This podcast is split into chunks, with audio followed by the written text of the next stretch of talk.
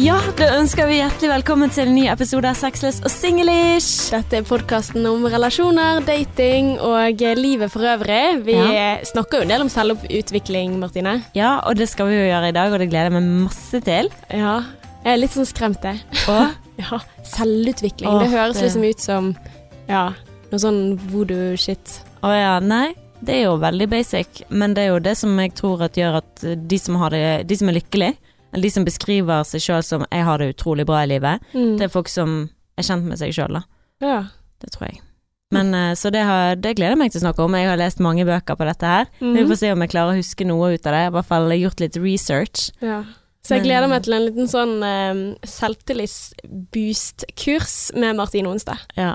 Håper det er det jeg klarer å gjøre, for i dag så er jeg så jævlig dårlig humør at det er helt forferdelig. Er det sant? Jeg er så edgy. I'm on the edge. Men hva, hva kommer det av? Men først, nå, nå sa jeg akkurat du er Martine Onstad, jeg heter Ella Åse. Sanker, Ja. og vi er on. Men Martine, hva er det som gjør at uh, du er edgy i Jeg vet ikke. Jeg har ikke peiling. Men jeg bare merker det sånn som når jeg var på vei hit, så eh, hoppet kjettingen ut av sykkel. Mm. Og jeg bare kjente jeg var så jævlig irritert, og så dultet jeg borti musen på PC-en der i sted, og jeg kjente liksom jeg, Du vet når du merker at du bare er sånn Apropos å kjenne seg sjøl, så er lettere å innrømme det overfor meg. Hvis Adrian hadde spurt meg nå Nå er du sur, så hadde jeg sagt nei. Jeg er for faen ikke sur. Ikke si at jeg er sur når jeg er sur. mm, nei, that's a no-no. Eller hvis noen sier slapp av. Ja, Oh. men ro deg kraftig ned. Ja. Don't you. Ja. Don't you tell me what to fucking do. Nei. Mm. Så det er egentlig like greit at han reiste i dag. Slipper han å være med meg når jeg er sånn. Ja. Jeg vet ikke hvorfor jeg er sånn. Det var bare en sånn dag i dag, og så var det dagen derpå. Mm. Det var Men, 17. ikke mai i går. men ikke det typisk at når man er i dårlig humør, så legger man mye mer merke til alt mulig sånn dritt, sånne der, ting som du ikke har tenkt over ellers, da. Eh, sånn som at eh, sykkelkjede Nei, sykkelkjede. Ja, jeg vet ikke. Skjede, skjeden Å nei, nå glemmer jeg hva som Ja. var. Å, det er så flaut. Det har vi snakket om men, eh, faen. Ja, men i alle fall, det at den faller ut, der, det Mm. har sikkert skjedd mange ganger, men i dag så var det sånn åh, det er så typisk. Det er så, Ja. åh, det er så uh... Og jeg merker det òg, for hvis jeg er i godt humør, da sykler jeg, og så er jeg sånn Å, det er så deilig. Og jeg tenkte så vidt at det var sånn deilig vårvær i dag, men eh, jeg var ikke sånn til stede. mm. Jeg, var ikke jo, jeg er ikke jordrett, jeg er ikke til stede. Jeg er litt sånn svevende. Litt sånn alle andre steder, tenker på, bekymrer Eller liksom, ikke bekymrer meg egentlig, for jeg det er ingenting spesielt jeg tenker på. Men jeg er liksom Når jeg har det bra, eh, og hvis jeg er glad, og det har faktisk veldig mye med dagens topic å gjøre, da, da, er da er jeg til stede. Da er jeg flink til å se rundt meg, jeg kjenner at luften her er nå kommer vind mot meg, og at jeg har det godt, og jeg tenker på alle tingene jeg er glad for. Da er du veldig flink til å liksom, ok, jeg er til stede, jeg ser hva som er rundt meg, Mm. og jeg er veldig takknemlig for å kunne sitte og prate. Jeg burde jo egentlig sitte og fokusere på hvor kjekt det er å sitte her og prate med deg om livets uh, oppturer og nedturer, sant? men uh, istedenfor sitter jeg og ergrer meg over musen der borte med PC-en som jeg kom borti, og skjeden, og at ja, dritten på hendene, Ja, og men du kom faktisk å være helt knallsvart på hendene på grunn av at du Ja, det så ut som du er me- mekaniker eller noe sånt, så jeg var eh, Ja. Men nå begynner jeg å tenke sånn her, vet du hva? Eh, for det, som kjæreste, når den andre personen er sur, så blir vi sånn slutt å være sur da. Altså i Mm. hvert fall jeg og Adrian. Men det hadde hjulpet så mye bedre hvis at eh, jeg hadde en kjæreste som sa sånn som det du sier nå, bare 'å, stakkar deg', sånn, for dette får jeg dårlig samvittighet for jeg i det hele tatt klager, og jeg blir veldig bevisst, blir ekstremt bevisst på at 'herregud, Martine, skjerp deg'. Jeg klarer å fortelle det til meg sjøl. men selvfølgelig hvis noen sier 'ah, skjerp deg', til meg, Ja. sant? Og det var akkurat sånn som i dag, så og da ble jeg litt sånn, merket jeg var edgy når eh, jeg hadde glemt å legge ut et, eh, en video på 5000 Bergen i går. Det var, Mm. Da hadde vi sunget nystemten en bergenslåt, da. Veldig klassisk 17. mai-låt for oss i Bergen. Um, den hadde vi sunget i kor og skulle legge ut som en sånn hilsen på 17. mai, og det hadde jeg glemt. Åh, Og så sa jeg faen, jeg har glemt å legge ut den, og så sier han å, da burde du kanskje skjerpe deg litt. Hæ? Ja, da sa han kanskje du burde skjerpe deg litt. Og det var ikke sånn, sånn ment, men jeg med en gang bare sånn du trenger ikke å fortelle meg at jeg må skjerpe meg. ja. Han, nei, nei, men jeg mente ikke det sånn som han bare Jeg så i øynene hans at nå er det ingen vei tilbake, han har sagt det. Oi. Men han bare, bare, bare stopp, Martine, det var ikke Mm. sånn ment. Sånn, så han prøvde liksom virkelig å bremse det. Ja. Men det For du kjefter på deg selv nok fra Ja, før. Så jeg måte. trenger ikke. Ja. Og det har veldig mye med det å være ærlig med seg sjøl og kjenne seg sjøl, Mm. på godt og vondt, sånn som jeg føler at jeg gjør. Mm. Det at jeg òg er veldig klar over når jeg fortjener kjeft, og når jeg fortjener skryt, eller når Så jeg har liksom den indre stemmen, da, som jeg føler eh, er ganske Men fortjener man noen gang kjeft? Altså Av seg sjøl. Det er liksom Nå må du skjerpe deg. Ja, klart, seg selv, men eh, å få kjeft av andre Å, jeg hater Nei, det er helt, men det er helt unødvendig. I hvert fall Ja. for en person som eh, kjenner seg sjøl veldig godt. Og er det helt unødvendig egentlig å kjefte på Adrian òg, men også, av og til så føler ikke jeg at han er like bevisst på tingene som det jeg er. Ja, Men eh, sånn, for jeg vet best. Sånn Ja, er det bare. det, Jeg eh, har fasiten. ja, det er sånn Mm. det er å være i forhold. Åh, ja. Mm. Fuck all. Men eh, vi hadde i hvert fall 17. mai-feiring i går, eller? Du var på besøk? Ja, det var skikkelig hyggelig. Ja. Å, fy fader. Det var utrolig kjekt. Og Martine hadde laget mat i mange timer fra ja, solen sto opp, omtrent. Jeg Eh, hadde vekka klokken på halv syv, og da hadde jeg liksom viss plan i hodet mitt. At jeg måtte huske å ta foccacciaen først, og så bake bolle. Og så mm, smøre lefser og men hvem er det som baker alt samme dag som du skal ha besøk? Klokken ferskt. åtte om morgenen. Det må være ferskt. Ja, okay. Jeg, er- det må være best mulig. Hadde jeg bakt det dagen før, da hadde ikke det vært like godt. Det hadde vært litt småtørt. Ja, Og, det er sant, med Mm. bakverk. Men, men da hadde det vært lett å si sånn, ok, eh, for, jeg, for jeg sendte jo melding til deg, du, kan jeg lage noen ting? Kan jeg bake ostehorn, eller kan jeg bake noen ting? Så er det sånn, nei, jeg liker å ha den kontrollen da. Ja. Så er det sånn, wow, mm. wow. Men du fikk lage aioli, da. jeg fikk lage aioli. Aioli, det var helt superdigg at du tok med deg det. Ja. Jeg har sittet og spist av det i dag, by the way. Å, så bra. Ja. Aioli på skiven med sånn spekeskinke og mm, ruccola. Få det på. Få det på. Han holder, eh, holder seg ganske lenge, tror jeg. Mm. Ja, det var helt det- perfekt i dag. Dagen det var derpå. Ja. Det var bra. Men var det heller i taket resten av dagen? Fordi eh, dette her var jo første gang eh, jeg sammen med min kjæreste har vært eh, og besøkt deg og din kjæreste. Ja! Ja. Det var jo eh, spennende. Uh. Mm, og så, men vi, vi gikk jo videre Mm. etterpå, og bare gikk en tur i byen, og gikk hjem til mamma, og så ble det liksom rolig etter det, da. Så la oss i sofaen og med beina på bordet og så på TV. Men uh, hva med dere? Jeg skjønner at uh, Hæla i taket! Å, fy flate. Ja, det, det ble jo eh, proppet Proseccoer i- om eh, jeg, jeg ga jo ut sånn Prosecco til alle sant, av flasken. Så åpnet jeg en ny flaske, så jeg hadde liksom ikke noen kontroll på hvor mye jeg drakk. Mm. Um, så etter frokosten så gikk jo vi til en venninne av meg, bestevenninnen min, mener jeg, Julie. Og um, hun hadde jo da barnebesøk, så vi skulle bare innom der egentlig for å si hei. Mhm. Um, jeg elsker at Julie typ sånn eh, Jeg kanskje ikke burde henge henne ut, men at hun var den eneste der som hadde seg en bemosa tidlig på morgenen. Mm. Det er sånn mor jeg ønsker å bli. Det er sånn jeg driter i at jeg er forelder, jeg tar meg en mimosa. Ja, for hun har barn. Ja, hun har barn. Ja. Men eh, så vi var i barnebesøk der en liten stund, og så dro vi eh, videre til en annen, søsteren til bestevenninnen min da. Og var der, og der var det jo sekkeløp og potet. oh. Ja, sånn skulle, så du ble delt inn i lag, og så skulle du ha sekkeløp og denne potet på en skei. Mm. Og så var det rik, nei, ring, ringkasting. Ja. Sånn så skikkelig sånn barne... Ja, ja. Barne-17. mai ja, det var så gøy. for voksne. Ja, for voksne. Mm.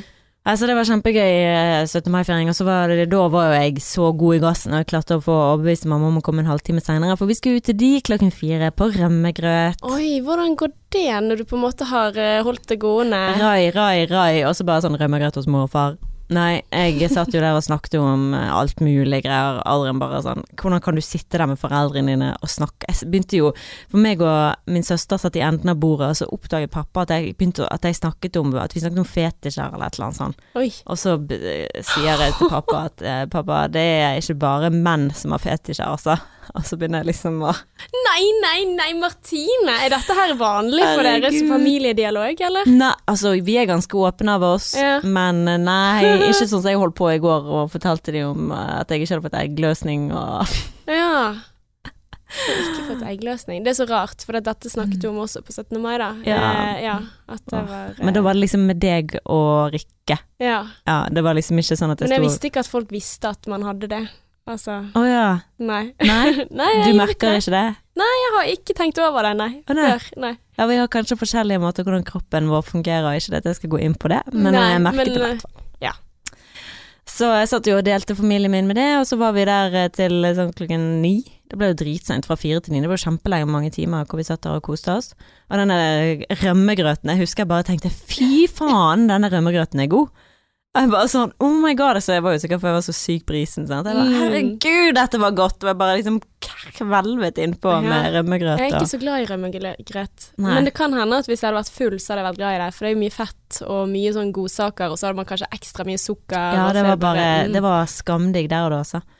Eh, så dro vi hjem, og så var det jo fyrverkeri. Men det var jo sånn å skuffe Jeg kunne jo se ned til Festplassen. Det er jo da en eh, Ja, en plass nede i Bergen sentrum. Det kan jeg se fra huset vårt. Og så ser jeg at Da venter vi på fyrverkeriet, som skal være klokken elleve, som det alltid er. Mm. Og så bare begynner det å pange borte på Vågen, nede på Bryggen. Så da må jo alle de som er på Festplassen, som har ventet på at fyrverkeriet skulle gå av der, Mm. ha gått over ned på Vågen istedenfor. Ja. Jeg Men, søkte jo eh, på internett, det sto jo at det skulle starte på Festplassen. Å ja. Det var jo litt rart at de hadde, hadde det i utgangspunktet, med tanke på koronatiltak og Mm. ikke la folk samle seg på store plasser. Mm. Ja. Ja, for du var jo nede i sentrum. Hvordan Mm. var det 17. mai-feiringen nede i sentrum? Nei, altså det var jo bare tilfeldig, fordi at vi skulle gå fra dere eh, ned til min mor. Um, så da måtte vi gjennom sentrum, og vi var veldig heldige, for vi traff akkurat på de to eh, korpslåtene eller noe sånt som var satt opp i Bergen da. Så plutselig så var det et bygg der på Lido-hjørnet. Altså, ja, for de som ikke er fra, kjent fra Bergen, så trenger jeg ikke å forklare hvor det er. er et eller annet bygg med mange vinduer. Plutselig så åpnet de vinduene seg, og så var det et helt sånt operakor eller noe sånt Ja, det, som det så du filmet. Det var skikkelig kult. Det var sånn herre Å, så fint at de fortsatt har 17. mai-ish, da. Men, eh, men jeg tenker jo at det var viktig at de bare holdt det til én til to låter, fordi folk kom jo. Ja. Og det var ganske mange folk. Ja, det? det så ut som det var en del folk i byen, liksom. Ja, det var det. Eller det var jo egentlig ikke det, men da samlet alle seg der, da. Mm. Og det er jo det som man skal unngå. Og det Mm. er jo skikkelig rart, altså. Ja. Kjemperart. 17. mai pleier å være favorittdagen min. Ja. Men jeg merket liksom ikke det, siden jeg gikk fra hus til hus. Mm. Jeg følte liksom Jeg hadde 17. mai-feiringen selv om jeg ikke var inne i byen. Så var det sånn istedenfor å gå fra bar til bar, så var det liksom fra hus til hus, da. Mm. Jeg syns det var dødsgøy. Ja, men det er liksom et eller annet med det å ikke samles for mange, da. Mm. Som gjør at ok, man fikk ikke planlagt det lenge nok, og så, så tenker jeg at ja, folk eh, inviterer færre folk. Um, og det er jo sånn som jeg så også i mediene, at det var folk som snakket om at de følte seg utenfor og ensomme på 17. mai fordi at disse tiltakene gjør at ok, alle kan ikke være velkommen. Mm. Oh, ja, så hvordan- noen blir ekskludert. Noen blir ikke invitert. Ja, og det er jo sånn også Mm. at det pleier jo å være mye som skjer, mye mer enn det som skjer, skjedde i år, da. Og det er jo Mm. sånn og, hvis man da sitter i sosiale medier og ser at å ja, de er på en fest, og jeg kjenner jo de, men, men her får ikke jeg komme. Mm, vet du, jeg har to drømmer hvor jeg har blitt ekskludert. Følt meg, jeg sa det til gjeng, gjengen i går. Jeg hadde hatt drømmer om at jeg ikke har fått lov til å bli invitert, eller at jeg ikke har blitt invitert til noe, da. Mm. Det er skikkelig ekkelt. Ja, det er det. Forferdelig. Mareritt. Oh, men ja. hvorfor drømmer du om det? Hva Ja, betyr det er det? er et veldig godt spørsmål. Ah, Ja.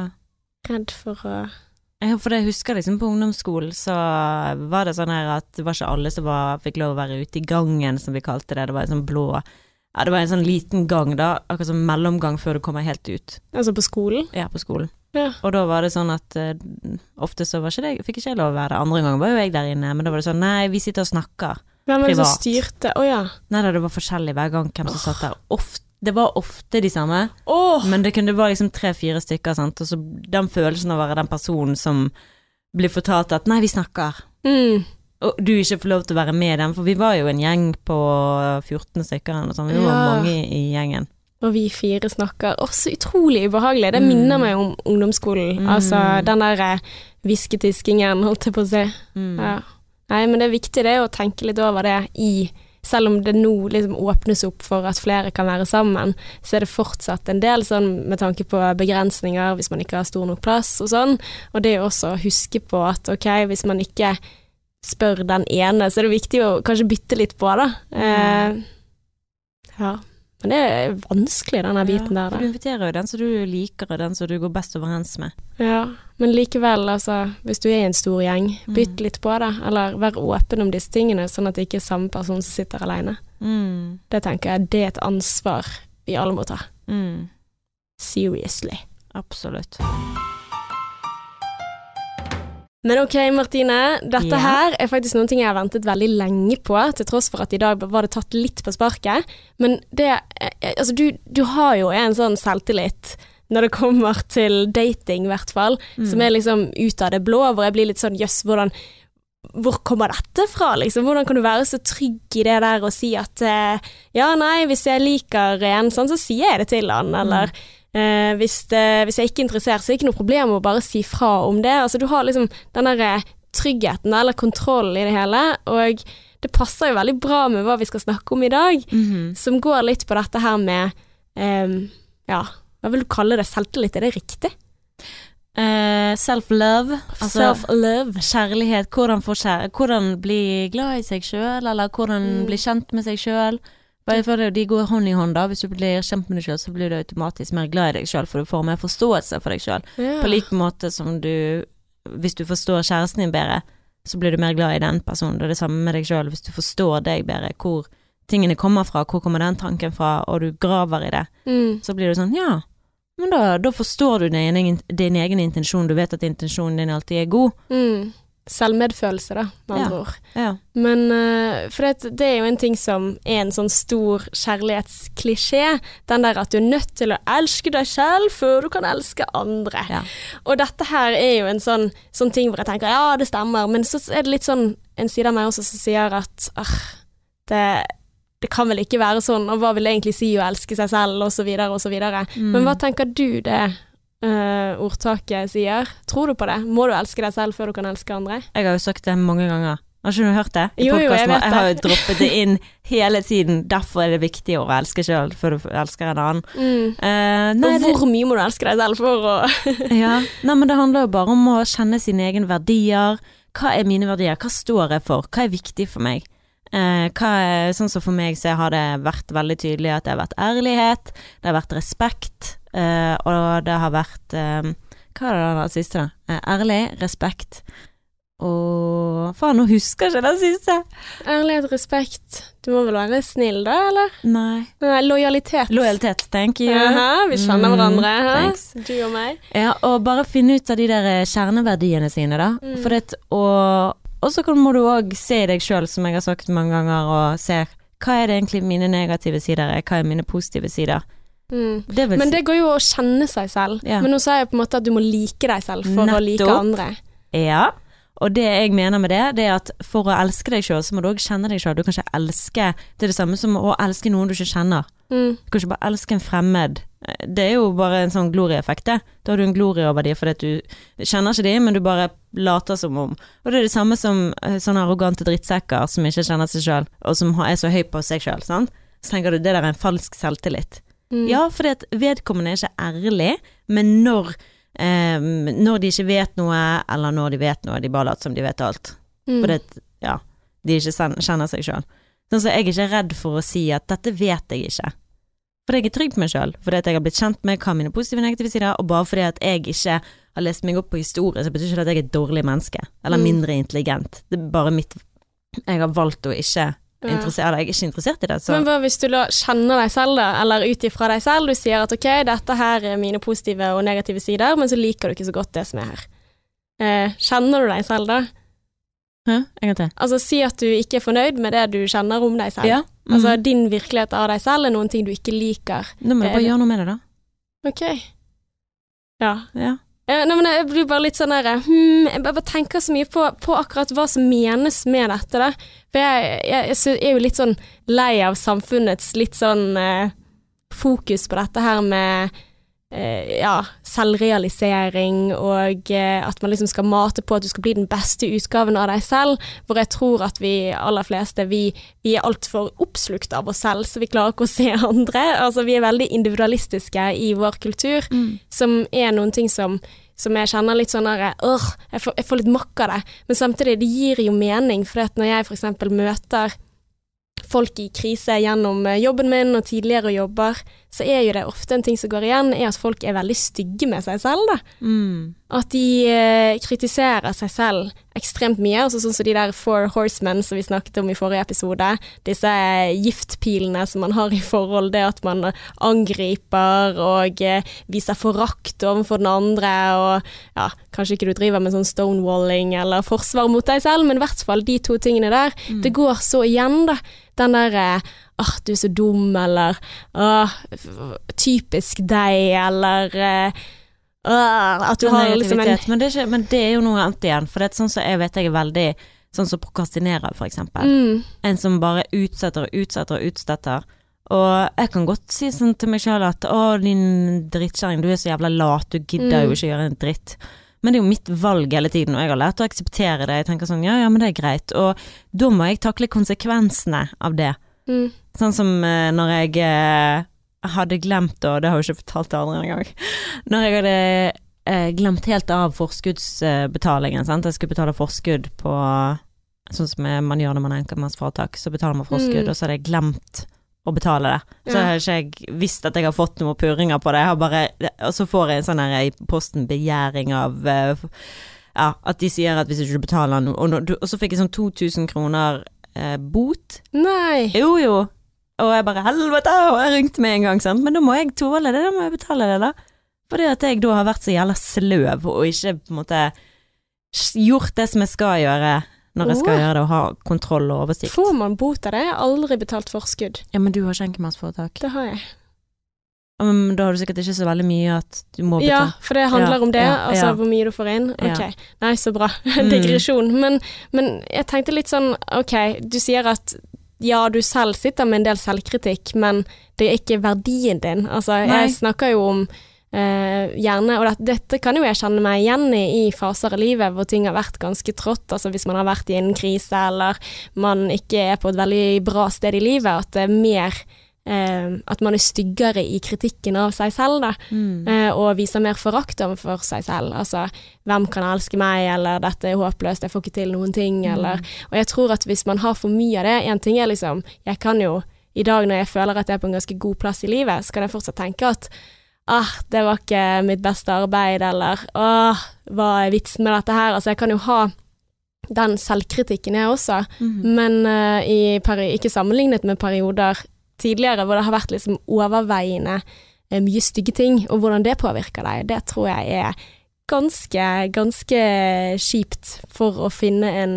selvmedfølelse, da. Det å, å anerkjenne at ok, det er greit da å ikke være best i alt. Det er greit å, å feile. Det er greit at den personen kanskje ikke liker deg. Det, det er greit. Kan du fortelle om et eksempel Mm. som du opplevd, hvor du har opplevd det? At du har vært for negativ mot deg sjøl, for eksempel? Altså, hvis du tar en uh, Det er vanskelig å komme på en på sparket, men det er jo et eksempel som vi har snakket om i podden, for eksempel. Mm, da når jeg løp halvmaraton og var sånn her Ja, du får ikke til noen ting. Da gikk jeg rett i kjelleren. Og det Mm. kan ha vært mange faktorer, men det var en, en sted hvor styggen på ryggen ble for heftig. Mm. Og det er jo også når man har hatt Når man møter motgang, når man ikke får den jobben man hadde lyst på, sant? så går man og sier at eh, du, eh, du er ikke verdt noen ting, eller at du Altså, og, og greiene er at denne her selvkritikken, det er jo ikke sånn at den er så eksplisitt. Det er ikke nødvendigvis sånn at jeg legger merke til at der er han, men det altså Hvis man har for mye selvkritikk over tid, så er det sånn at den gjerne blir automatisk, du legger ikke merke til den. Den bare Mm. er der at ok, nok en bekreftelse på at jeg får ikke til ting. Mm. Um, så da har du bare ikke prøvd hardt nok, da. Mm. Da har du bare ikke prøvd hardt nok. Ja, på hvilken måte igjen, da.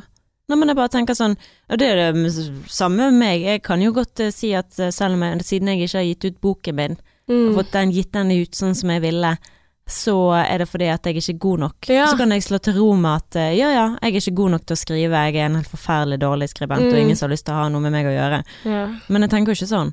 For jeg vet jo det sjøl òg, som jeg og Adrian har snakket om mange ganger, han bare du har jo ikke gjort alt som du kan. Mm. Men nei, jeg vet det. Men der er du flink til å komme Ja, men der er du flink til å være snill med deg selv, sant. Du mm. sier at å, vi tre, altså engelen snakker imot deg, på en måte. Og finner ut at det er andre muligheter å tolke dette her på. Dette Mhm. trenger ikke å bety dette. Men, eh, men jeg tror det er veldig vanlig, så det er viktig med, med selvmedfølelse for å også skjønne hvor, hvor kommer man fra. Mm. Eh, Det er ikke rart at jeg føler meg på denne måten, eh, og det betyr ikke at jeg er elendig menneske, men jeg har opplevd eksempel dette her, som gjør at jeg er mer sårbar for denne type stress, Mm. og neste gang så går det fint. Men det er jo sånn viktig, sånn, sånn som i forhold så kan Adrian si sånn her, at jeg må fokusere litt mer på hva han faktisk gjør riktig, og ikke bare hva han gjør dårlig, sant. Mm. Og det er litt sånn som med seg sjøl òg. med meg, hvor jeg For jeg har veldig to god toleranse for meg sjøl, jeg har veldig god forståelse for meg sjøl. Så jeg tenker at i forhold til skrivingen min, da, hvis jeg tenker at for eksempel at å, jeg er så dårlig skribent, så er det sånn mm, Men jeg har jo opplevd og fått veldig mye god feedback på det jeg har skrevet Mm. tidligere. Jeg vet jo at Og jeg har liksom blitt rørt av meg sjøl. og da har jeg tenkt sånn Nei, men da er det noe der. Eh, og da vet jeg det at ok, så kanskje jeg ikke har vært så flink til å sette sammen disse sidene, eller historien har ikke blitt satt sammen riktig, Mm. og jeg trenger kanskje hjelp, eller det som For at jeg da skal bli en bedre skribent, hvis det er det som må til. For kanskje det er sånn at jeg må bli bedre til å skrive. Mm. Da, skal ikke, da er ikke et dårlig menneske, men da må jeg ta et skrivekurs, for det skal jo Mm. sies at jeg har jo ikke gjort en dritt for å forbedre meg sjøl, for å bli en bedre skribent. Jeg kunne tatt Mm. et skrivekurs, men jeg er jo for stolt til å gjøre det, eller forlate, eller kall det hva du vil, har ikke interessen nok til å Og har ikke den For det, det kan jeg sånn som se i andre, da beundre folk som og noe som jeg tror mange ser, tenker om meg, men som ofte ikke stemmer i det hele tatt, at jeg så. Jeg har sånn gjennomføringsevne som jeg Mm. ofte ikke har, sånn som i boken nå, så er jeg bare sånn whatever, eh, fuck it. Men her, her er jo du flink til å si at dette handler ikke om at du er en dårlig skribent. Mm. Sant? Du vet veldig godt med deg selv at dette handler ikke om det. Nei, uh, og, men jeg kan eh, alltids bli bedre, og det betyr ikke at jeg er et dårlig menneske. Ja, og selvkritikken den er ikke bare negativ hvis den motiverer deg til å gjøre ting som, som du har veldig lyst til å gjøre. For Mm. eksempel hvis du sier at ah, ah, jeg er så lat på akkurat denne biten der, da. Jeg har ikke fått i gang den boken som jeg har veldig lyst til å gjøre. Ok, hva skal jeg gjøre for Altså den selvkritikken du fortalte om, den motiverer jo til å gjøre noen ting med det. Mm. Men hvis du på en måte sier 'jeg er lat, jeg får ikke til noen ting', punktum, da tror jeg ikke du vil klare å fullføre den boken. Nei. Og Da må man jobbe med det. Ja, men eh, sant, hva, hva får du ut av å snakke sånn til deg sjøl, da? Hva får du ut av å tenke sånn? Det er jo veldig lite um, Hva det heter Oppløftende. Nei, det er veldig lite um, nytt, Ikke nyttig, men Ja, det hjelper deg ikke. Det, Nei, altså, du får ingenting ut av det. mm, Hva får du ut av det? Å si at du er dårlig, punktum. mm, Ja vel. Det er jo ikke sant. Alle får jo til det de absolutt har lyst til, og det mener jeg. Og det vet jeg om jeg, jeg vet at jeg får til det jeg vil.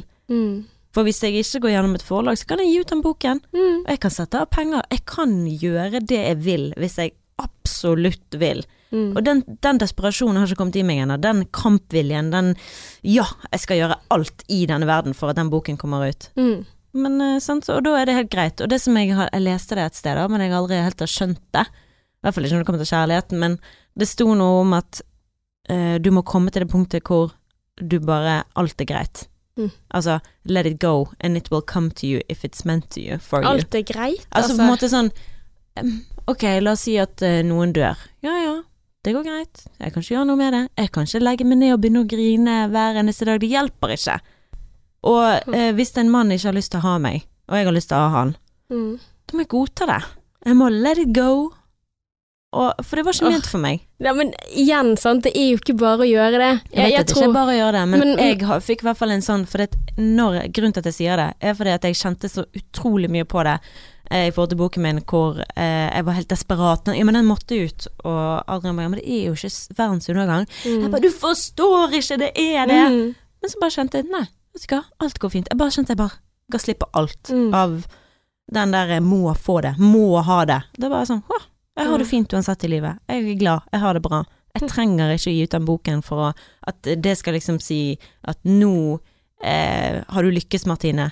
Mm. For det er jo sånn her lykke Du liksom Du vil oppnå noe kanskje du har sett for deg, og at jeg Mm. føler at jeg taper hvis jeg ikke har gjort det. Men det er sånn Men da kommer jo du på alle de andre tingene som du har lykkes med. Men, Ja. men det jeg tenker Mm. med, med altså, den eh, teorien der om at du må la Altså du må akseptere alt, så går det fint. Men jeg tror det handler mer ikke nødvendigvis om å akseptere at ok, kanskje ikke jeg får gitt ut den boken, men jeg tror jo mer på å akseptere følelsene. Ok, det er greit å være lei seg. Eh, og det å innse at jeg er lei meg fordi at nå møtte jeg et nederlag og dette kommer til å gå fint videre. Eller jeg er veldig for den der at hvis noen du kjenner dør, så må jo du ja, akseptere din følelse i møte med det, da. Om du sørger, altså du må gi deg lov til å ha de følelsene du har, og da er det lettere å akseptere mm, at sånn er det på en måte. mm. Men jeg mener bare det å ikke holde fast ved ting. Mm. liksom, og liksom brem, Altså sånn si Ja, men jeg vil ikke at det skal være sånn. Bare sånn, ja, men sånn er det. Ja, men jeg vil ikke liksom stritte imot det, da. Mm. Det er det jeg mener med å liksom bare slippe taket og bare sånn Selvfølgelig er det lov å føle på alle følelser. Jeg bare mener på den der følelsen Ja, men jeg vil ikke at den personen skal dø. Ja, men jeg vil ikke at det skal være sånn. Jeg vil ikke det, jeg vil ikke det, jeg vil ikke det. Mm.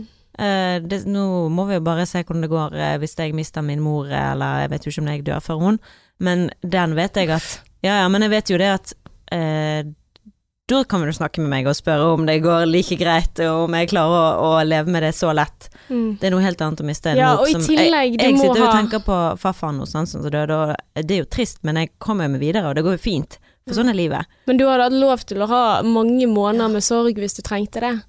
Og, altså Og det er jo litt sånn også, hvor, hvor kjapt skal man Altså, det blir jo et press overfor deg selv hvis du skal si at eh, 'jeg må bare la det gå', jeg må bare ikke kjenne noen ting, jeg må bare akseptere. Og da tenker jeg på en måte at man må jo akseptere de følelsene du har, Mm. eh, knyttet til det. Og gi seg tid og Ja. Jeg tror nok vi er enige, det er bare det at jeg har fått en åpenbaring i forhold til det å gi slipp mm. på den trangen til å holde fast ved noe som du ikke kan gjøre noe med. Ja, ja, ja. Og, ja, jeg, ja, jeg skjønner. Ja. Som hvis du prøver å kontrollere ting som ikke kan kontrolleres. ja. ja. det er vanskelig. Ja. Mm. Så nei, jeg er helt enig i at selvfølgelig må du føle på ting, men eh, jeg vet jo bare ut av egen erfaring at jeg har brukt veldig lang tid i en kjærlighetssorg som mm. Åh, så unødvendig. Og det gikk jo bare ut av meg sjøl. Mm. Og det er samme som når du er i forhold og krangler med kjæresten. Det eneste som taper på det, er jo du. Mm. Og det snakket vi jo litt om når vi gikk, sant, eh, Mm. fra podkasten, hvor vi snakket litt om det der at når vi kjefter på hverandre for å stå for vårt eget ego, sant, mitt ego skal vinne over ditt ego, Mm. begge to taper, ironisk nok. For Ja. det er ingen som vinner i den krangelen hvor begge to skal kjempe for sitt eget ego, og du tar feil, jeg tar ikke feil. Mm. Faen. Og hvis du kjefter på den andre, faen du er så lat, du gidder ingenting. Du vinner ingenting på det. Du vinner ingenting, du bare taper. Og iron, ironien er jo at begge har lyst til å vinne. Mm. Og den eneste måten å vinne på er jo å være sårbar og si ok, kanskje jeg tar feil. Mm. La oss sitte oss ned og finne ut av dette her og snakke om det rolig. Så det er jo da man begge to vinner, og hvis du er ydmyk og gjør deg noe Fordi egoet ditt forteller deg at liksom Hvis du gir deg noe, så taper du. Så kjemp mot den personen som du bor med. Mm. Fordi at han tror dette her om deg, som ikke er sant, den jævel. Ja. Han tror at du er lat, eller hva enn det måtte være. Sånn som i dag, hvor han sier ja, men da må du kanskje skjerpe deg litt, da. Åh. Så var ikke det sånn ment. Ja. Men det er bare med en gang bare hm? Mm. Unnskyld. Ja. Jeg har lov å si det til meg sjøl, men du har ikke lov å si det til meg. Ja. Sant. Fordi at tror du ikke jeg vet det. Det er jo Ja. litt, den, eh, den- litt den biten der. Men da handler jo det litt sånn det der å ta ansvaret for sin egen rolle. Kanskje det er det som fører til akseptering av hverandre, men også akseptering av deg selv. At ok, det å faktisk ta ansvar for, sånn som man sier at ok, jeg har ikke fått til dette, og så kan jeg gå og, og grave meg selv ned og tenke åh, eller du er så lat, du får ikke til noen ting. Men faktisk det å se at jeg har et ansvar, at jo, vet du hva, jeg kunne faktisk ha gjort noen ting annerledes. Jeg har ikke prøvd så hardt. Eh, jeg har prøvd sånn, sånn og sånn, skal jeg gi opp nå? Det kan også være oppløftende i seg selv, og da faktisk ta ansvar for at ok, jeg er litt misfornøyd med meg selv akkurat nå. Mm. Og det, det er greit, det også. Mm. Og jeg er ikke noe perfekt. Mm. Hvem liker perfekte folk? Jeg vet ikke, de er jo veldig greie, da. Jo, I hvert fall hvis du har sånn illusjon. Jeg har jo en illusjon om noen som er De er ikke perfekt, Mm. men bare behagelig energimessig. Ja. Hvor du bare Det er bare behagelig fordi at de forstår deg. ja Og da er det mye mer behagelig, for du kan føle at du kan slappe av. Det er ingen som du føler er imot deg. Mm. For du føler at de Ja, du har negative sider, men det blir akseptert. Mm. Det er veldig deilig. Nei, gode venner. Hæ? Gode venner du tenker Ja, på, nei. eller? Nei. Det handler sånn som jeg har reflektert over i forhold til det at hva vil det egentlig si å bli forstått av en annen? Så tror jeg det har veldig mye med at man er lik den andre personen. Mm. At man rett og slett er veldig like. Mm. At det da er lettere å forstå. For det er sånn åh, jeg ser at meg og deg er like, så jeg forstår deg. Men uh, så har du jo min lillesøster igjen, hvor vi er veldig, veldig ulike, men likevel aksepterer hverandre. Men det tror jeg har med tid å gjøre, da. Mm. At du har kjent hverandre så lenge. Veldig vanskelig. Kanskje det er kjemi. Jeg vet da faen, jeg. jeg, jeg for Martine, det, er sånn, det, det er ikke sånn at det egentlig gir mening. Ja, men en ting som du vet veldig godt, er jo dette her med selvmedfølelse som du har lest mye om. Og jeg bare lurer på hvor lenge Altså har det alltid vært sånn for din del? At du liksom har følt den der at OK, jeg, digger meg selv. For det er jo ting som du har sagt opptil flere ganger i denne podkasten. Når skjønte du at du begynte Eller når begynte du å digge deg selv? Eller har det alltid vært sånn? Jeg tror jeg alltid har vært sånn. Seriøst? Ja, og så har jeg ikke fått noe Jeg har ikke fått noe motgang heller. Jeg har liksom fått lov til å styre på sjøl. Mm. Så jeg har liksom ikke opplevd Jeg opplevde jo at jeg var veldig For jeg var jo veldig frittalende. Jeg sa det som falt meg inn helt siden jeg var liten. Aldri vært redd for at noen skal komme og liksom ta meg. Jeg har jo opplevd at noen av de tingene jeg har sagt har ført sånn som det var en gjeng fra Ågotnes uh, utenfor et sted, da, som skulle komme og banke meg. What? For det er noe jeg hadde sagt. Nei. Jo. Og da kjente jeg jo at Jeg ble jo redd, men det gjorde ikke at jeg liksom tenkte 'å, jeg er et så dårlig menneske'. Jeg tenkte jo bare sånn 'helvete'. Men du holdt ikke kjeft på grunn av det? Nei, nei. Nei. Og det samme med når jeg gikk og sa at hun ene var bimbo, som var to år eldre på ungdomsskolen, i åttende klasse. du? Ja, ja. Kalte hun for bimbo. De kalte jo seg selv for bimbogjengen, men hun var jo super-bimbo. Mm. Men jeg var jo sikkert bimbo, jeg òg, sant. Du kan si det om Vi kan si det også om oss selv, men du kan ikke si det om oss. Ja. ja. Typ. Ish. Uh, nei da, altså det gjorde aldri at jeg backet, men jeg husker jo det var superubehagelig. Jeg glemmer ikke den følelsen av å lese de meldingene om at eh, nei, nei, nei, nei, nei, du må faen meg skjerpe deg, hvem er du tror du er, sant. Og Mm. Og var jo dritskummel på helvete, disse jentene som er mye eldre enn meg og var i den mektige mafiaklikken Mm. som kalte seg for Bimbogjengen. Oh. Eh, var imot meg. Det var jo skummelt, men eh, nei, det gjorde aldri at jeg eh, tenkte lavere om meg sjøl, eller jeg tenkte nå må jeg endre meg. Nei. På ingen måte. Og det gjorde jo at jeg noen ganger ble frøst ute, sant. Som vi snakket om, at jeg ikke fikk lov å komme til en eller annen filmkveld som Jeg husker det var en venninne av meg som jeg hadde avtale med en lørdag, da. Mm. Og så um, eh, sendte jeg melding 'Hva skal vi egentlig gjøre i kveld?' Hun bare eh, 'Jeg kan ikke være med deg likevel, jeg skal til hun og hun og se på film'. Så istedenfor å invitere meg, for det kunne hun ikke, for jeg var jo den som var imot bimbogjengen. Så jeg var jo selvfølgelig ikke invitert.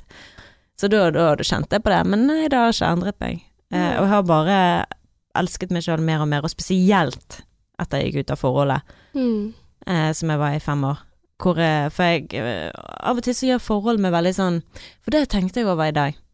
Eh, jeg endrer meg litt når jeg går inn i forhold, og jeg ødelegger litt for meg sjøl. For det er ingen som ber meg om det, men det jeg gjør, sånn som jeg merker nå da, snakket med Adrian om det i dag, det at eh, mamma har eh, en side av personligheten sin som er veldig opptatt av å please andre. Og veldig opptatt av å eh, Ja, av, av å gjøre det som er riktig i forhold til den andre personen. Mm. Så jeg er veldig opptatt av sånn som de dagene hvor jeg kommer hjem rett etter jobb og er med Adrian og kanskje jobber i hagen eller gjør et eller annet som jeg føler nå har gjort noe nyttig Mm. forhold, overfor Adrian, så føler jeg meg sånn ro med meg sjøl, men jeg føler ikke meg gladere. Men jeg har den roen, for jeg har ikke dårlig samvittighet, men jeg er ikke glad. Så det gjør meg ikke glad, og det er en sånn sykdom som jeg er nødt til å jobbe med, Ja. eh, som jeg har arvet av min mor, som er bare den som lever for andre mennesker og er bare virkelig uselvisk. Mm. Men jeg, det gir ikke meg så mye å gjøre ting for andre. Er det så stygt å si? Sier hun Men- som har eh, laget frokost Ja, men det er jo fordi at tidlig Det gjør meg glad at dere liker maten som jeg har laget. Ja, men det er jo å gjøre noe for andre, da.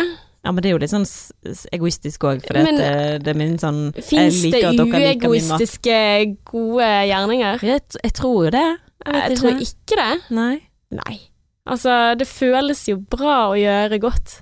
Ja. Og hvis du da skal sitte og kjefte på deg selv fordi det føles godt, så er ikke det en god handling. Altså, nei, nei, nei, nei. nei. ja. Men altså, det, det jo Ja, du liker ikke hagearbeid, men du liker å gjøre oss glad og gi oss god mat. Mm, Mhm. mm, mm. Ja, det gjør jeg. Ja. Så nei, så det, det var bare en refleksjon da, som jeg fikk som Det må jeg gjøre noe med, for det gjør at jeg til slutt ikke er glad. Altså, jeg, det gjør ikke meg som Mm. et gladere menneske. Og det beste for Adrian er jo at jeg er glad, ja. og jeg tror jeg mister meg sjøl litt når jeg er i forhold. Mm. På den måten der at jeg er så opptatt av å please den andre uten at den andre har bedt meg om det engang. ja men, men det kjenner jeg meg veldig igjen i. Mm. Veldig. Altså sånn eh, enkelte ting jeg gjør som jeg tenker hvem har bedt meg om å gjøre dette? Jeg har ikke peiling hvorfor jeg gjør det, men sånn som for eksempel at eh, hvis jeg har sittet Nå er jo det lenge siden for dette koronasituasjonen, men hvis jeg er alene hjemme, da, sitter og ser på en film eller en serie eller et eller annet eh, på TV, så er det på en måte det, det jeg gjør umiddelbart når eh, den andre kommer hjem, er at jeg skrur på pause. Mm. Jeg skrur av. Jeg, hold, jeg slutter med det jeg holder på med, for å være tilgjengelig for den som kommer inn. Mm. Og det var når jeg bodde i kollektiv også, så dette har jeg bare alltid gjort fra jeg var liten. Eh, når eh, jeg var bitte liten, så sto jeg opp tidlig om morgenen og prøvde å være så stille som mulig, for da kunne jeg se på TV alene mens mamma sov. Og da hadde jeg sånn utspekulert måte, apropos gode gjerninger som eh, egentlig bare var for min egen vinning. Eksempel frokost på sengen, da kan hun sitte lenger i sengen, sånn at jeg kan se mer på TV. For når hun kommer ned, så kommer jeg til å skru av den TV-en. Men jeg fikk aldri beskjed om det. Mm. Og det er så rart. Hvor har jeg fått det fra at eh, jeg er i veien hvis jeg f.eks. har lyd på, eller hvis jeg holder på med mine ting, da. Ja. Uh, og det er sånn som jeg kan ha kjeftet på kjæresten min for. For litt sånn Men hvorfor gjør ikke du det? Dette her er noen Mm. ting jeg gjør, og, og hvorfor er det alltid sånn at jeg må stoppe opp med det jeg gjør?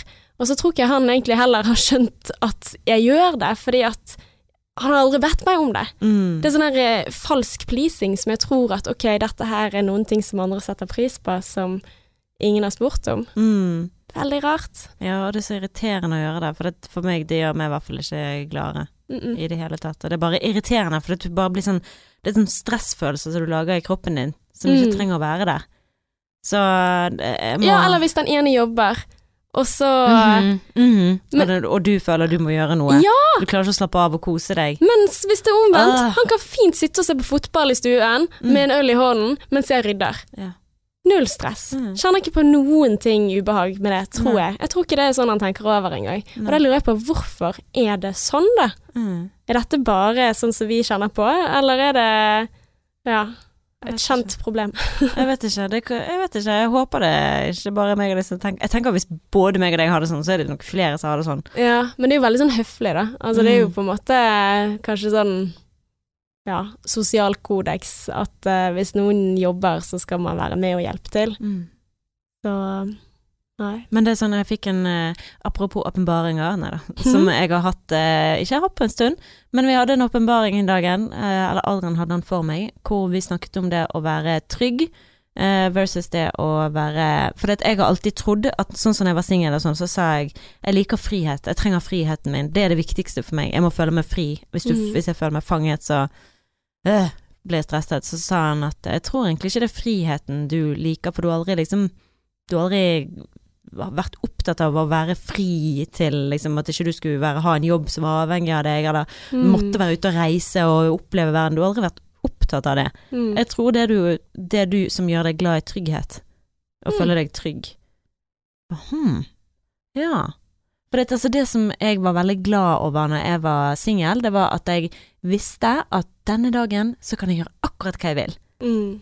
Og det kan jeg i forhold òg, men jeg føler at det er òg opp til Adrian hva jeg skal gjøre den dagen. I tilfelle vi skal på bier, eller vi skal ut og gjøre noe i hagen, eller det er et eller annet som forventes av meg som jeg må gjøre. Mm. Noe så enkelt som at jeg må lage, sørge for at vi har middag. For det er jo det jeg- min oppgave er, på en måte. Mm. Så Men det må jeg bare gi slipp på, for det, jeg elsket jo å være singel. På grunn av at jeg følte meg så fri, da, i hermetegn, men som egentlig var bare at jeg hadde kontroll over hva som skjedde den dagen. Mm. Mens nå når jeg er i forhold, så ikke, føler ikke jeg at jeg har den samme kontroll over hva som skal skje, så derfor blir jeg litt sånn Vet ikke hva jeg skal føle Mm. overfor den dagen. Men du føler fortsatt at du eh, Altså, at du har en innflytelse på verden din. Altså, hvis du virkelig vil gjøre noen ting, så kan du gjøre det. Poenget er bare at jeg har den dårlige samvittigheten som er Ah. med meg når jeg gjør det. Ok. Hvor jeg tenker, for eksempel hvis jeg drar til venninnen min en dag etter jobb, Mm. så tenker jeg sånn, å nå burde jeg jo egentlig være hjemme, i hvert fall sørge for å være hjemme til klokken fire, for hvis vi skal gjøre noe, så er jeg ledig til, eller så er jeg der, så slipper han å gjøre det alene, eller Mm. Men det er litt sånn interessant det du sier, at du sier at 'å, men jeg tror jeg har behov for trygghet', og før trodde jeg det var frihet, men kan ikke du ha behov for begge deler? Jo da, men han bare mente det ut ifra hva jeg forteller om hvordan det var for meg da jeg var singel, Mm. så det er ingenting som tyder på at frihet var så utrolig viktig for meg. Mm. For hva er frihet? Ja. Ja, jeg tenkte mer på sånn autonomi, da. Altså at det var det du mente, at du kan Altså, du har en innflytelse på livet. At hvis du vil noen ting, så, så får du ting til å skje. Ja. Eh, at det er ingen som, som styrer over deg, på en måte. Og jeg tenker jo litt sånn at du fortsatt er en ganske sterk agent i, i forholdet ditt, da. At, Mm. at du er med på å bestemme hva som skjer. Altså, men, men det er jo en ting som forhold innebærer. Jeg også kjenner på det, men det kan plage vettet av meg også, da, hvis Mm. jeg ikke har kontroll over hva som skal skje. For jeg er jo nok en ganske sånn selvstyrt person, da. Eh, og finner mye lykke ut ifra å, å si at ok, men i løpet av denne uken så skal jeg det og det og det og det og det. Mm. Men så lenge jeg får gjort det og det og det og det og det, så kan vi sette av tid til oss uten at det er planlagt der. Mm. Så det er min måte å, å liksom Balansere det på. Ja, å ha det behovet for frihet, da. Mm. Altså, eller selvstendighet. At ok, jeg har disse tingene som er veldig viktige for meg. Mm. Men Lurt. ikke. Veldig lurt. Mm. Eh, men eller, jeg har jo noe som jeg har lyst til å gå igjennom med deg. Et par spørsmål. -hmm. Er du klar for det? Ja, ja, nå er vi tilbake på, på selv...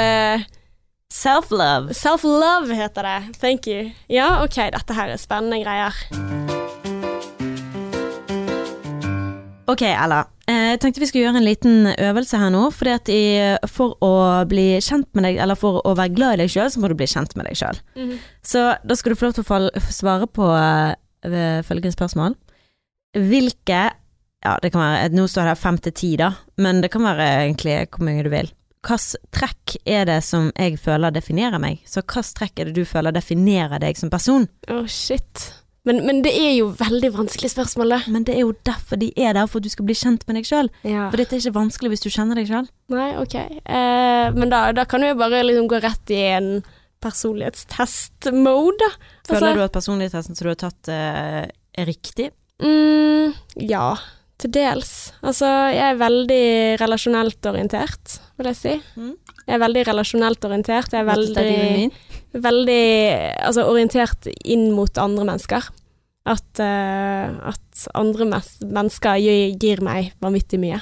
Så det er en sånn ting som jeg tenker at det definerer meg. Uh, jeg er ekstrovert, kanskje. Altså, ikke nødvendigvis utadvendt, men at jeg, jeg trenger mange folk i livet mitt for å føle at det er meningsfylt. Mm. Så eh, det som gir meg mening i andre, Uh, og det så, det så det føler jeg liksom sånn nummer én, viktigste. Men um, andre ting Hvis du skal nevne sånn personlighetstrekk. Ja, det er jo ekstroversjon. Jeg, jeg får jo altså, jeg får jo ganske høyt på alle tingene jeg tar, da, ofte. Men må det være bare Altså, det kan være litt sånn negative ting Ja, ja, også. positive og negative. Ja. Um, og ikke alle personlighetstester som jeg føler meg veldig riktig. Jeg fikk veldig sånn høyt på paranoia på en jeg tok. At Ja. jeg var ganske Paranoid. Men da, da stilte jeg spørsmål, kritiske spørsmål til testen, og om, om den var riktig eller ikke, eller om den var valid eller ikke. Da fikk jeg tilbake igjen at det er sånn typisk paranoid eh, person. og da var det sånn Hello! Ja, nei. Men eh, ja, jeg har jo hørt det at det kan være litt kverulerende, da. Mhm. At, eh, at jeg liker liksom å henge meg opp i enkelte småting. Det er sikkert litt plagsomt av og til. Ja. Ja. Men det er sikkert eh, Jeg vil si at jeg er nysgjerrig, da. Ønsker å finne ut av ting. Og eh, hvis jeg ikke på en måte forstår det, så slår jeg meg ikke helt til rot med det. Med mindre det er snakk om sånne ting som er dritkjedelig. Sånn fotball og sånn. Det ja, har ikke sjans. Nei. Det er enkelte ting jeg har akseptert at dette er jeg ikke god på. For eksempel geografi. Mm. Same. Ja, sånn stedsnavn og sånn, det bare går inn det ene øret og ut det andre. Så overfladiske detaljer som jeg ikke føler gir mening, det, det fester seg ikke. Mm. Men jeg tror dette her med relasjoner til andre, altså hvor viktig det er, går igjennom alt jeg liker, da. Hvis jeg tenker på hvilke TV-serier jeg liker å se på TV, så er det om mellommenneskelige forhold. Det er eh, drama, det er kjærlighet, det er alt mulig. Så ja. Gir det mening? Kjenner du meg igjen? Uh, det, jeg følte det var veldig sånn eh, Svevende? svevende, men uh, ja. Kanskje jeg er svevende. ja. Ja, svevende person. Um, men det er jo liksom å ta på sparket, da. Ja, Hvem er du, Det skal, hvilke ja, det, ting jeg er skal innrømme ja. at jeg syns det er dritvanskelig sjøl, selv om jeg føler jeg kjenner meg veldig godt, da. Ja, men jeg syns det er flaut å si, da. Det er okay. en ting som jeg kjenner på. Eh, det er kjempeflaut å skulle si 'hvem er du som person', for Mm. jeg tenker 'hvem er det som kommer til å høre på dette', og, Å, ja. så, og så si 'ja, men eller du er jo ikke sånn', Å, ja. ja. Ja, men drit nå i det, da. Nei, men kanskje det sier noen ting også, da. Ja, det, det- det tenkte sånn, jeg også. Ja. jeg vet ikke om det er paranoia eller ikke, Opptatt men av hva andre tenker. ja, ja, men ja, men det går jo igjen på den mellommenneskelige biten. Men jeg er ikke ja, men jeg er ikke overdrevent opptatt av hva andre tenker heller. Men jeg er opptatt av vennene mine, og jeg er opptatt av å være oppriktig. Og ikke være en falsk utgave av meg selv. Men hvordan kan du være falsk hvis du eh, sier det som du føler er riktig? Ja, nei, det er dritrart og et godt spørsmål, men sånn som for eksempel etter vi hadde livepod, så gikk jeg og tenkte sånn, gud, er jeg den Ella når vennene mine skal komme hit og se på? Vil de kjenne meg igjen? Eh, sånne ting. Så ja, jeg er nok en tenker. Jeg kan heller si at eh, det er noen ting som definerer meg. Mm. En som tenker mye over, ja, andre og meg selv, og, og kanskje litt sånn quirky, da, på den måten. Er du noe quirky? Ja. Ja. Du syns det? Ja, ja, ja. Ja. Men det er jo bare positivt. Ja. Nei, kanskje. Nei, men jeg, jeg tror jeg er flink til å, å se litt sånn det rare, eller litt sånn kleine i situasjoner. Jeg Mm. føler meg litt klein. Ja, ja, men det er helt riktig. Ja. Helt riktig, det er helt riktig som om det er noe fasitsvar. Det er jeg enig i. Ja. Ja, du er litt sånn klein. Hei, Ja. bitch, please. Ok, ja, nei, din tur. Um, ja, herregud. Problemet mitt er jo at jeg sliter med sånn å huske personlighetstrekk. Mm. Så hvis jeg hadde hatt det for meg, så hadde det vært mye lettere å bare sånn Ja, den er jeg, for jeg har så jævlig dårlig hukommelse. Mm. Men ok, jeg er jo i hvert fall uh, jævla sta. Det er det Mm. ikke noe tvil om. Um, jeg er veldig ærlig. Mm. Jeg er um, kritisk. Ekstremt kritisk til hva andre sier. Mm. Jeg stoler vel ikke så veldig godt på andre mennesker, egentlig. Um, stoler mest på meg sjøl. Um, det er bare fordi jeg har sett veldig mange råd som jeg har fått, og kanskje jeg har hatt dårlige rådgivere i livet mitt, men det er veldig mange som har sånn prøvd å få meg inn på den trygge stien, eller ment at Så det er veldig sånn spørsmål til hva jeg holder på med. Ja, men det er det som er lurt. Men jeg har alltid opplevd at det jeg har gjort, har føltes riktig, da. Mm. Um, så er jeg veldig god selvtillit, da. Um, selv om selvfølgelig jeg syns at jeg har stygge tenner, og jeg kunne ønske nesen min var mindre og hadde litt større pupper. Um, men det er ikke viktig. Nei. Det er jo ikke viktig. Så jeg har god selvtillit, men jeg det er ikke sånn at jeg tenker at jeg er den peneste i hele verden. Jeg er fullstendig klar over eh, Hvis du skal se på symmetriske, da. Ja. Men jeg syns jo at jeg er veldig sjarmerende. um, jeg liker jo å tro at jeg har god humor, men jeg har jo innsett sånn som med Adrian, altså jeg har jo veldig dårlig humor. Um, hva andre ting da? Jeg eh, elsker å være med mennesker, men jeg er òg veldig glad i avlyste planer. Mm. Når folk, når folk bare avlyser, Oi! så er det sånn artig. Shit. Det spørs uh, veldig, men uh, ja. Av og til så syns jeg det er veldig digg avlyse, at folk avlyser, og andre ganger syns jeg det er veldig irriterende. Hvis jeg har veldig gledet meg til Og som regel så betyr kanskje, jeg meg til å være med Det betyr kanskje at du tar på deg litt for mye, da. Ja, og det er gjerne i de fasene, sånn som nå, hvis noen avlyser meg, med nå under korona, så er det sånn Nei! Mm. Slutt med det! Still opp! I want you there! For Mm. nå er det jo nesten ingenting som skjer. Um, ja. Ja. Men er dette her en ting som folk bør gjøre for å, å få opp kjærligheten for seg selv, eller? ja, og bare sånn Jeg hadde jo Jeg har jo skrevet ned en liste over de negative tingene med meg sjøl, Ja. sånn. Husker, husker du jeg leste, ja, ja, leste fra kaffefilteret. Fra kaffefilteret.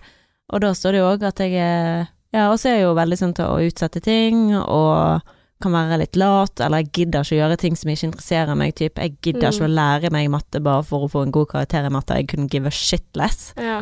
Det var vel egentlig Um, det jeg snakket om med geografi og, og litt sånn stedsnavn og sånn. Mm. Bare ur. Mm.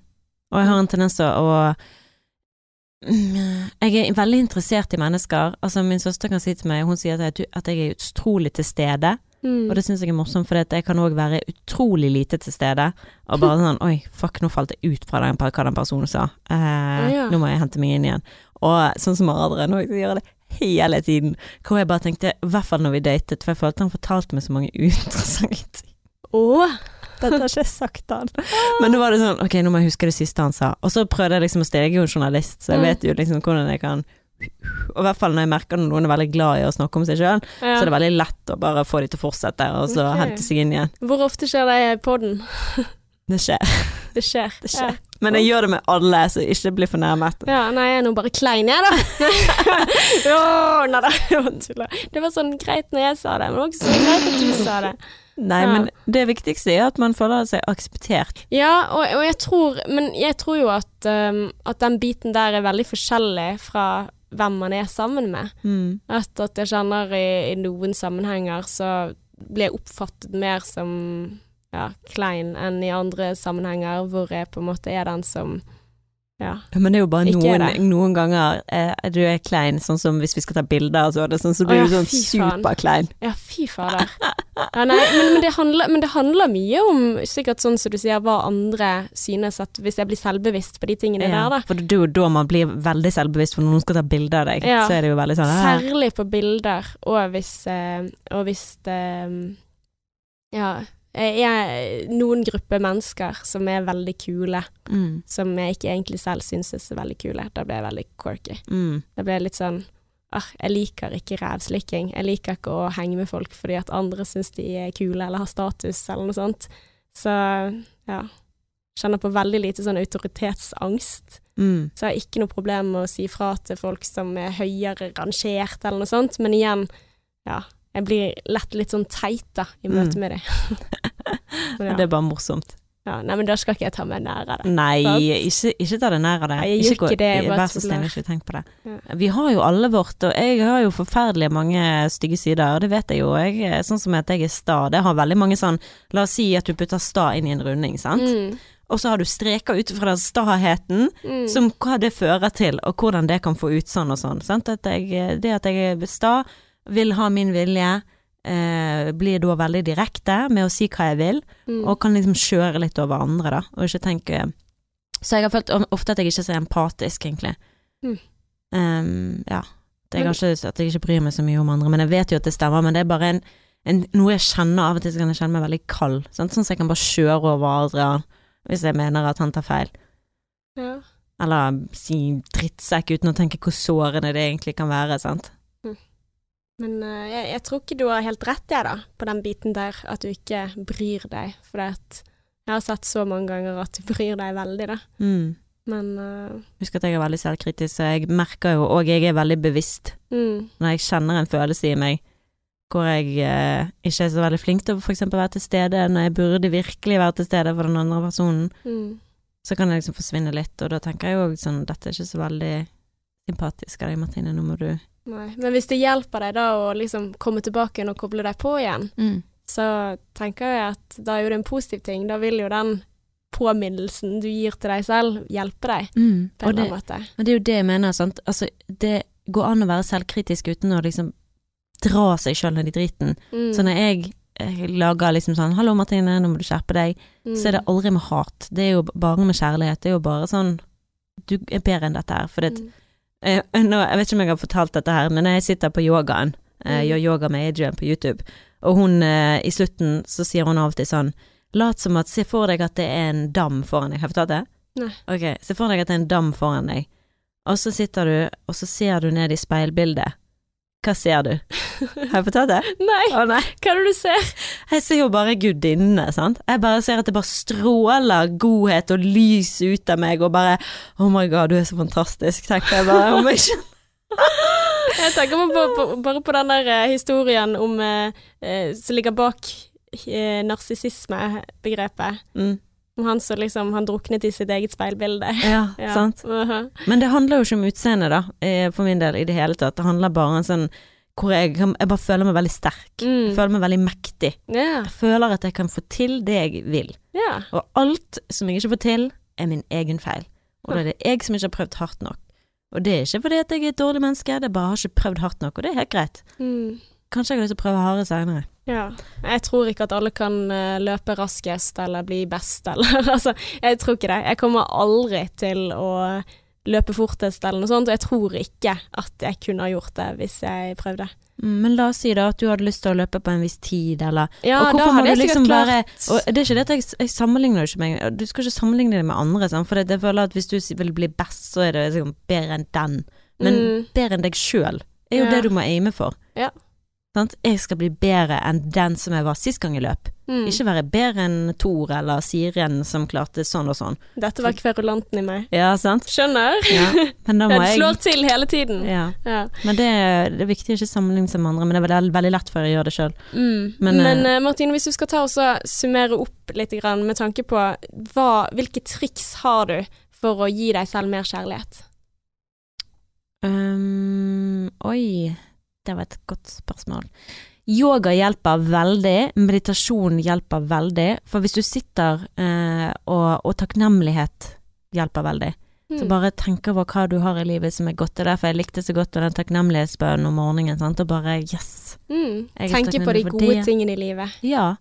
Men det beste du kan gjøre for deg sjøl, det er å sitte deg ned og virkelig skrive opp hva det positive og negative siden er, og, og godta det, det du ser. Og være griseærlig. Mm. Og tåle det. For det, det Let it go. Det var det altså- du sa? Ja. Ja, og let it go, og tenke at det er greit, men òg Ja. legge merke til når det dukker opp. Sant? Jeg kjenner jo på det at når jeg blir sånn jævlig sur mot Adrian, så får jeg dritdårlig samvittighet etterpå. Og da trenger jeg egentlig ikke at Hans forteller meg det. Når han kommer til meg Mm. og er litt sånn ydmyk og nede, og litt sånn Hva syns du om, om dette, da? Mm. Får jo så dårlig samvittighet, men hvis han hadde kommet inn og bare Du, ho! What the fuck was that? You little bitch. Da er det sånn Å! Å ja! Skal vi, skal vi slåss? Er vi der? Eh, Ja, sånn er det. Men eh, hvis, hvis han kommer inn aggressiv, da vinner han jo ingenting. Men hvis Mm. han kommer inn myk og rolig, da får jeg bare Det kvelver om meg med dårlig samvittighet. Og da kan jeg mye lettere si, vet du hva, jeg gjør det feil, jeg gjør det feil, for jeg er fullstendig klar over det. Ja. Men det spørs helt hvordan noen andre da mm. er med meg, da. Så liksom å bli, bli glad i det du har, da. Selv de negative side- sidene. Ja. Mm. Ja.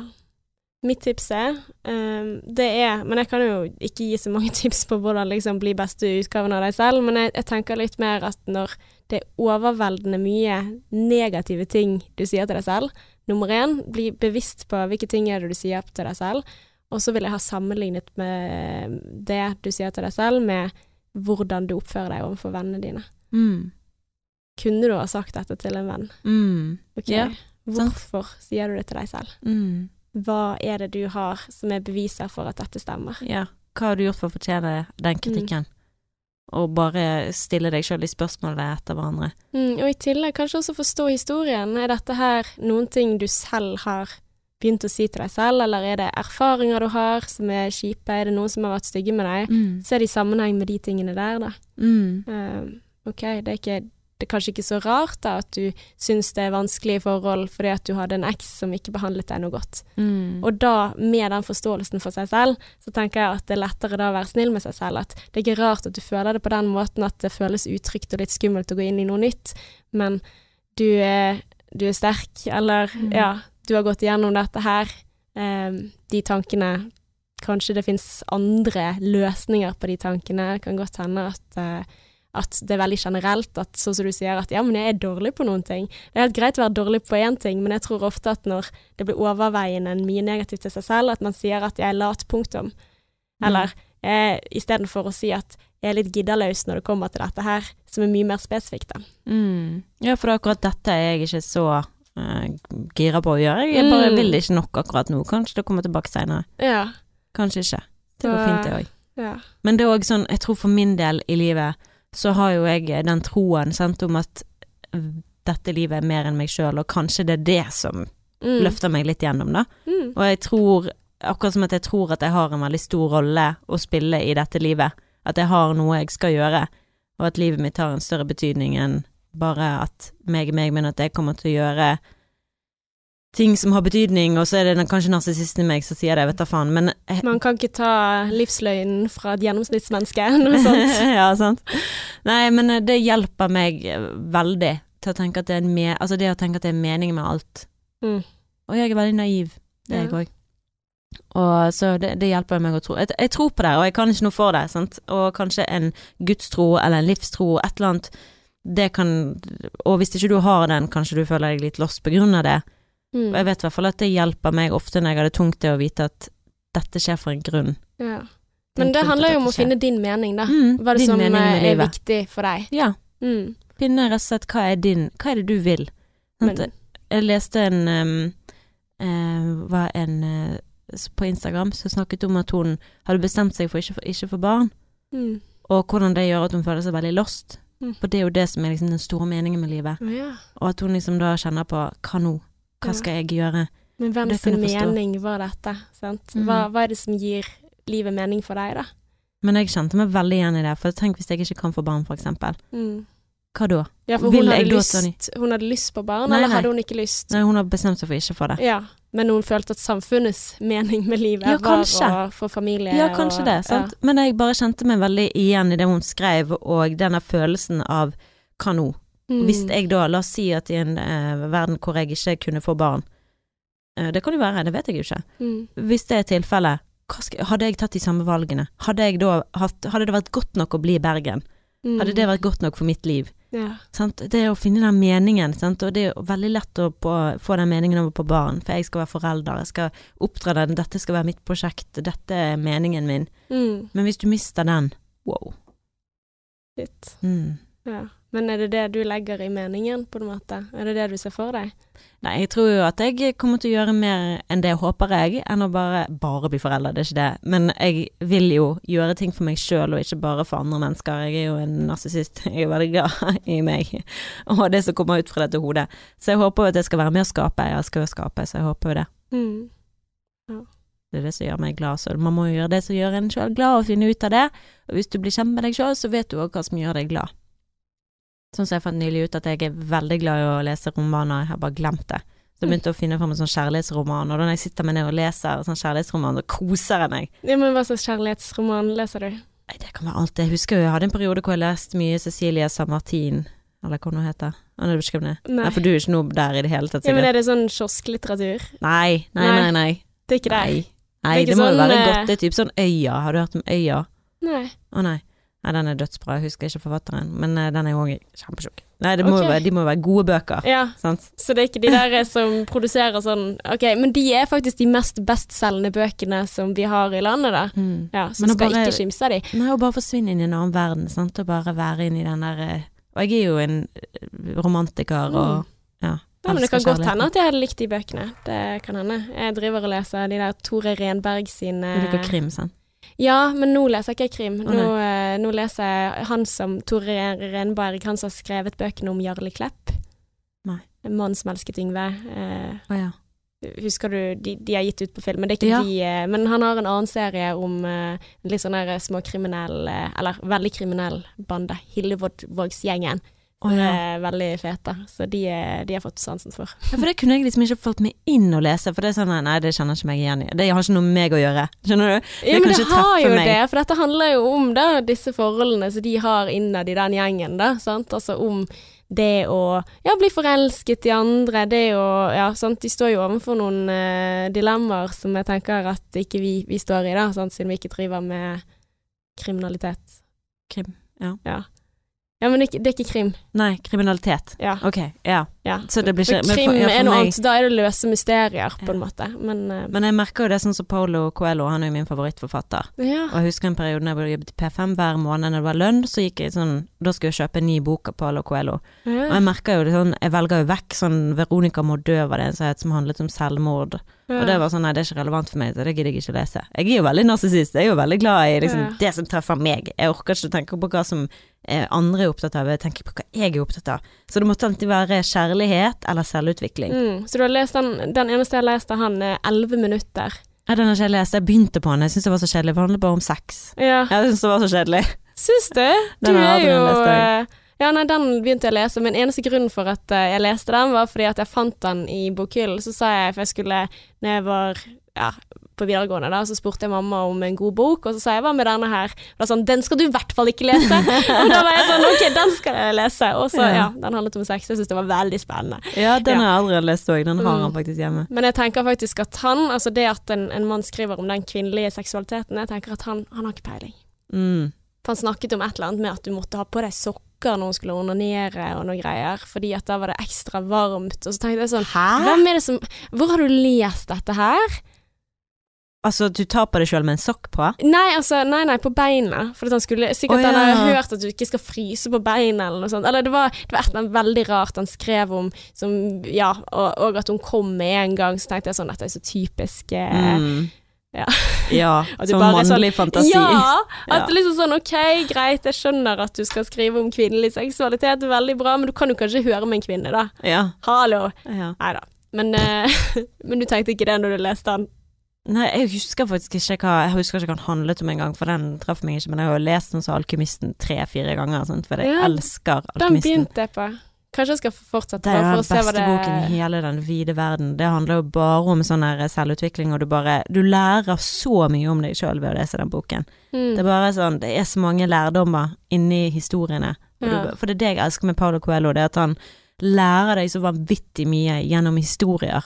Ja. Sånn at du må tenke sjøl hvordan dette treffer deg, sant. Mm. Ah, I love it. Ja, jeg tror du må forklare meg den boken. Jeg leser sikkert en fjerdedel og blitt sånn Ja ja, en eller annen gjetergutt som er ute på tur. Ja. Liksom Han skal jo da finne seg sjøl, da, og finne ja, det denne det skatten. Ja. Ja. Og det er skatten er jo liksom han, på en måte. Oi. Ja. Ja. Ok, var det spoiler det, eller? Nei. Nei, for jeg har kommet til at han skulle finne en skatt, men jeg var litt sånn Alt, ja, ja, ja. Nei, Nei, jeg å, jeg elsker den boken. Ja, nei, men det, det er fint. Sikkert sånn jeg kan ikke relatere til, kanskje. Jeg liksom liker eh, Ja, men vi liker forskjellige ting, sant. mm. Når forskjellige ting treffer. Ja. Nei, men eh, Martine, jeg tror vi, vi er nødt til å, før vi runder av, så er vi også nødt til å tease litt hva som skjer i neste episode. Ja, det må vi gjøre, for det, da kommer min kjære søster på besøk. Mhm. Ha-ha-ha. Oi, hoi. Å, jeg gleder meg sånn til det. Ja, men uh, Ingrid har jo vært der før, ja, så det er ikke lillesøster som kommer, det er Storesøster. Lille Lill Kristine. Ja, og hva er grunnen til det? Nei, altså jeg snakket litt med henne da, uh, om podkast, og hun hadde hørt litt på G-punktet, Mm. om en som eh, snakker veldig mye om eh, livet, og eh, veldig ærlig. Og der eh, så sa hun at jeg kan godt komme på besøk til dere og snakke om hvordan eh, sexlivet forandrer seg, at man har fått barn og har vært sammen i x antall år, de har vært sammen i over ti år. Men det er så interessant, fordi Ja. at eh, vi har jo snakket litt om, eh, om året som kommer. Vi mm. satt jo i eh, januar at liksom Nå ser vi liksom det at ok, familie står litt for tur. Vi begge to sånn tenker litt på at ja, ok, det er kanskje ikke altfor lenge til man begynner å tenke på barn, men en av mine store frykt, eh, frykter knyttet til å få barn, er jo det hvordan vil dette påvirke parforholdet. Mm, og Eh. det er det beste, det er det vi kan få Lill inn som sånn, ja. Eller ja, hvordan det er for henne, da, som kan Mm. gi oss litt inside information. Så det, det gleder jeg meg veldig til. ja. Men dagens quote må vi jo ta før vi går. Oh! Dagens quote. Ok, dagens eh, quote det er jo da inspirert av det vi har snakket mye om i dag, og det er å elske seg sjøl som den sterke, sexy kvinnen eller mannen du er. Og til eh, dagens quote så eh, vil jeg levere Nikki Rose, som er en av eh, mine favorittforfattere. Hun er veldig lite kjent, egentlig, fra Australia, og jeg har lest boken hennes. Den er sånn tynn, liten det- det- Men jeg bare elsker det hun sier, da. Og ja, derav dagens quote. Wild women are an in explainable spark of life. They ooze freedom and seek awareness. They belong to nobody but themselves, yet give a piece of who they are to everyone they meet. If you have met one, hold on to her. She'll allow you into her chaos, but she'll also show you her magic. Kjente du den? Jeg må tygge på de der. Ok, ja, for det går ut på det at ville, sånn ville kvinner, sant, at vi, Mm. de gir deg jo masse sånn god energi, på en måte Mm. sånn sterk energi, utstråling, og de oser av frihet og søker eh, bevissthet og blir bevisst på seg sjøl og det som er rundt, og de tilhører ikke noen, mm, bortsett fra seg sjøl, men de gir liksom en bit av seg sjøl til alle de møter ved å være ærlig og bare fortelle, sant. Mm. Og- det høres ut som deg, dette her. Mm, Det var den grunnen til at jeg kjenner meg igjen i det. Men eh, det står her da, hvis du har møtt en, så hold, eh, hold fast i henne, at hun kommer til å gi det mye kaos, ja, men òg veldig mye magi. Vet du hva? Hello! Hello! Ja. Ja, så det er vel derfor jeg elsker henne, for jeg kjenner meg igjen i mye av det hun skriver. Jeg liker det måten Mm. hun forklarer, istedenfor å tenke at 'Å, jeg har så mye kaos i meg', eller 'jeg er Mm. så, er så slitsom å være med', så kan du heller tenke på det som noe magisk noe. Ja, du Mm. har mye kreativitet, men du er òg eh, kaotisk, men det trenger ikke å Mm. være bare det ene eller det andre. Det er positive og negative sider med alt. Ja, men det er det. Den stadig negative siden min har òg en positiv side, fordi at Mm. Ved at jeg er sta, så går jeg den veien. Jeg baner meg frem i livet. Aha. Men jeg kan òg være jævla vanskelig fordi at jeg er så bestemt Mm. på den siden. Så kan jeg bli bestemt òg på den negative siden. Og det at jeg tenker mye, det kan bety at jeg kan løse mange problemer med tankene, Mm. men av og til så kan det skape kaos. Og jeg... problemer òg. Ja, Ja. virkelig. Du skaper problemer, men du løser de òg, så det er ikke bare negativt. Ja, nei, men altså det er lurt å, å tenke seg om, men Ja. av og til så kan man bli litt trist av det, da. Ja. Så ja, kommer an på hva. Men uh, very, very nice. Yin and yang, man. Men hvis du har noen ting du lurer på, Ja. enten hvis det er eksempel dette her med barn og hvordan det påvirker forholdet, hvis du har noen spørsmål som vi kan stille vår gjest neste uke, så, eh, så bring it on. Og hvis det er andre ting du tenker at dette har jeg lyst til å høre Elle og Martine sin mening om, eller ønsker at vi skal dykke ned i en topic eller noen ting som du har på hjertet, så send det inn til oss. Vi blir så glad for en melding. Det er bare til å gå inn på Instagram, der heter vi Sexless og Singlish. Send en DM, eller kommenter på bildet, eller ja, følg oss der. Det hadde vært ålreit. Well, until next time, Ella. XOXO.